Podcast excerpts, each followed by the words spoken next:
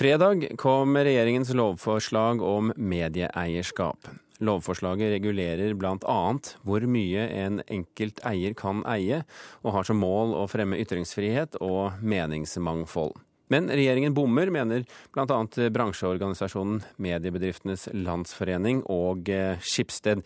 Hans Erik Matre, redaktør i eh, Skipsted, hva er det de bommer på? Nei, For det første så eh, er vi nå blitt en bransje som ikke bare skal ha ett regulerende, én reguleringsmyndighet, nemlig Konkurransetilsynet. Vi skal også ha to med, med Medietilsyn også. Um, og kanskje man burde være sånn, stille noen spørsmål når man opplever at man omtrent er alene i Europa om å ville regulere den digitale mediemakten. Og vi er vel faktisk også ganske Vi er helt alene i Norden om å ha en egen eierskapslov. og Europa for øvrig har vel stort sett valgt å la denne bransjen bli regulert av ordinære konkurranseregulerende Eh, lover. Eh, og ikke utstyrt oss med et dobbelt sett regulering. La meg bare da understreke at eh, vi syns lovens formål er aldeles utmerket. Ytringsfrihet og meningsmangfold er til kjernen av det vi driver med. Så det er ikke det det går på. Det er liksom metoden og måten man skal gjøre dette på. Hvor vi er nå bekymret for at man velger å regulere våre utenlandske konkurrenter, eller, eller regulere oss og i mindre grad våre utenlandske konkurrenter. Men Matre, for, for, oss som ikke jobber med dette til daglig, hva er konkret problemet med en strammere regulering? Ja, Vi har nå sett et eksempel på det. da, da eh, Skipsted eh, etablerte Skipsted Norge, sammenslutningen av de, eh, de store regionavisene, så sa Medietilsynet nei. Så gikk det tre år helt til klagenemnda overkjørte Medietilsynet og godkjente denne fusjonen. En helt nødvendig og veldig viktig strategisk og strukturell endring i bransjen måtte vi bruke tre år på. Og så hurtig som endringene skjer i mediebransjen nå, så må vi kunne ha eh, et regulatorisk system eh, som handler raskt, effektivt og kjapt, og ikke er unødig byråkratisk og hemmende. Vil du si at forslaget til medieeierskapslov som nå ble lagt frem på fredag, gjør situasjonen for Skipsted mer byråkratiserende og hemmende? Ja, jeg vil nok si det.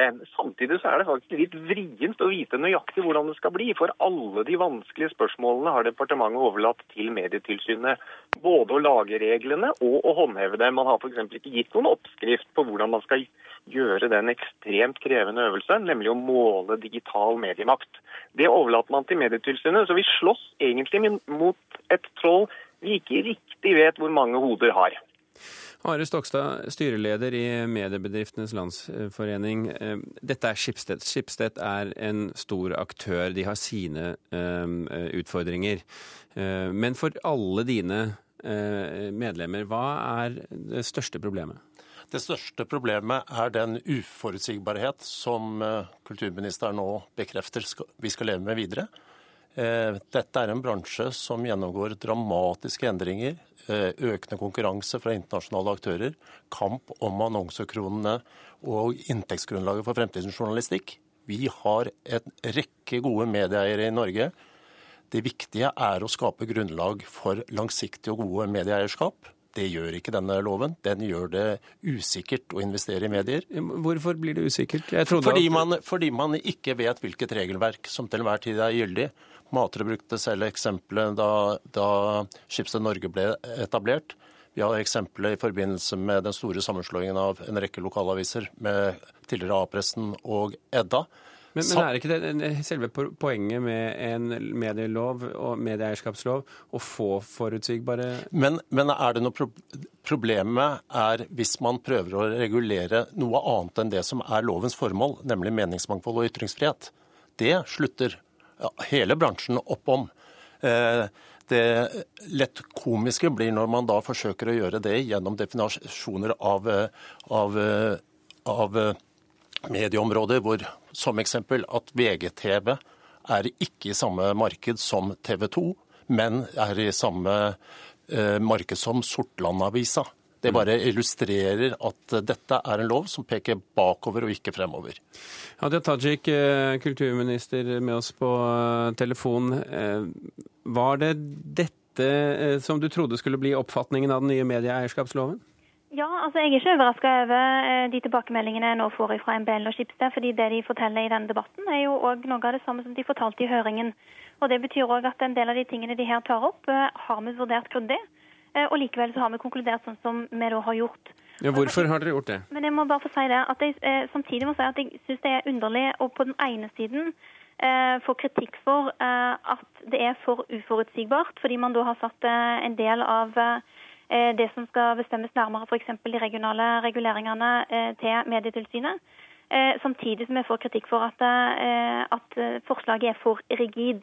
For Poenget med at Medietilsynet da har noen hjemler til å eh, utvikle nærmere bestemmelser, ikke på de tre nasjonale markedene, men på det som kan bli et eventuelt fjerde nasjonalt marked, som et elektronisk mediemarked, og en del andre bestemmelser, det handler jo nettopp om at vi lever i en tid der det er mange endringer som har skjedd, som kommer til å skje, og at man trenger at Medietilsynet kan eh, utvise en viss fleksibilitet. Altså vil, eh, at de kan være i stand til eh, å, å, følge den utviklingen som, som vi her står overfor, og som, som det òg er behov for at det er, en, er, et organ som kan følge tett over tid. Og på den måten ivaretar man den fleksibiliteten som de her etterlyser. Tajik, det er, dette her er veldig vanskelige, vanskelige problemstillinger for, for, oss som ikke driver med det til, til vanlig.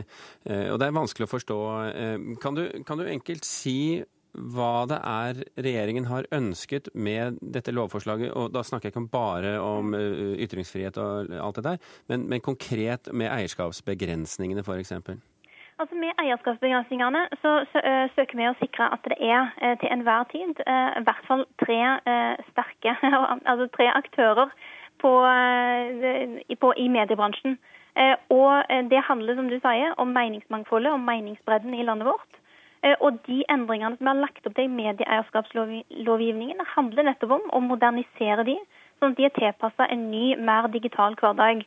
F.eks. er det sånn med den medieeierskapslovgivningen man har i dag, eh, at eh, altså elektronisk bruk ikke blir regna med. Og det blir jo et paradoks at når f.eks. VG-nett har omtrent 2,2 millioner lesere, så er det bare de 700 000 som leser avisen på papir, som blir regna med. Eh, og det er noe av det vi her søker å gjøre, eh, gjøre endringer på. Samtidig så anerkjenner jeg en del av de argumentene som både MBL og Skipsted kom med. Altså I den forstand at det har blitt en mer pressa konkurransesituasjon i dag enn det det var før. Og deler av det handler om at det er eh, eh, altså arenaer som sosiale medier, som, eh, som Google, Twitter og Facebook, som eh, trekker oppmerksomhet og annonsekroner, og at det kan gjøre konkurransesituasjonen pressa for enkelte. Hans eh, Erik eh, Matre, eh, dere skal jo konkurrere bl.a. med Facebook, som vel nå snart, om ikke allerede, er Norges største mediehus, hvis man kan kalle det det. I hvert fall det folk bruker mest tid på. Kan dere i det hele tatt konkurrere med Facebook på deres hjemmebane uten å eie nær sagt alt i Norge? Det var interessant fordi vi hadde vår strategisamling i Skipsted Norge i forrige uke. Og for første gang opplevde jeg at vi brukte mesteparten av tiden vår til å forholde oss til og diskutere hvordan vi skulle møte den internasjonale konkurransen. Det er helt helt nytt. Um, og uh, som kulturministeren sier, det er dramatikk i det som skjer nå. 150 millioner færre aviser selges i Norge, papiraviser nå, sammenlignet på, på toppen.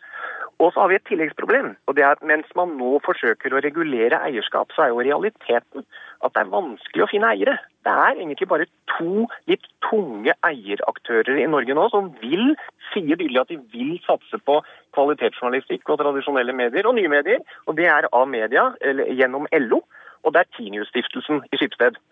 Uh, utover det så finner vi små eiere. Uh, for all del verdifullt, men å ta opp konkurransen som du sier nå, med de store internasjonale gigantene, det er det veldig få som er i stand til å gjøre. og Da syns jeg det er så utrolig synd at kulturministeren da bruker energi, og at regjeringen da bruker mest energi på å gjøre litt livet litt krevende for denne type eieraktører som vi er, mens de store, tunge internasjonale de uh, får fritt spillerom. Eh, jeg vil anta at flagget gikk til topps både i, eh, i Google-kontoret og, og, og, andre steder, når de så innretningen på det reguleringsregimet vi kan få nå. Stokta, Stokta, skal vi definere dette her som krokodilletårer, eller er det reelle problemer? Nei, dette er reelle problemer fordi at medievirkeligheten og utfordringen er, er tung for eh, de norske aktørene som skal finansiere den kvalitetsjournalistikken vi alle ønsker. Og eh, For å ta dette regionale markedet som kulturministeren snakker om, ta en avis som Nordlys, som, en, eh, som satser nå tungt digitalt. Det, den konkurransen, Der møter de både nasjonale aktører, men ikke minst internasjonale aktører. Det kulturministeren nå legger opp til, er at aktører som lykkes på den måten regionalt, eh, skal hemmes i den videre regionale og lokale utvikling. Jeg, jeg, går, jeg, går, ut fra Tajik at det ikke er det som ligger eh, bak eh, tanken om en medieeierskapslov, men ser du at det kan være konsekvensen? Altså, jeg er glad for at, eh, de, altså, at de regionale begrensningene her ble tatt opp som en problemstilling. Og fordi det med på, de, på, det regionale området jo faktisk også signaliserer en viss oppmykning. Altså Det som er grensen regionalt i dag, er at man, altså en eierskapsgrense på 60% Mens vi ser for oss en viss liberalisering, nettopp fordi vi ser at konkurransen er såpass sterk på en del, eh, en del, av de områdene som det her blir gitt eksempler på. Men jeg mener likevel at det er veldig viktig å holde fast ved at det er en prinsipiell forskjell på det å være et redaktør, redaktørstyrt medium og det å være eh, en hvilken som helst annen eh, internettarena. Og jeg kan snakke meg varm om det som er Men det får du ikke lov til å gjøre her i Kulturnytt nå i ettermiddag. Hadia Tajik, tusen hjertelig takk for at du kunne være med i en travel dag fra Stortinget. Takk også til Are Stokstad, og takk også til Hans Erik Mater. Jeg er garantert sikker på at vi får mange anledninger til å diskutere dette i fremtiden.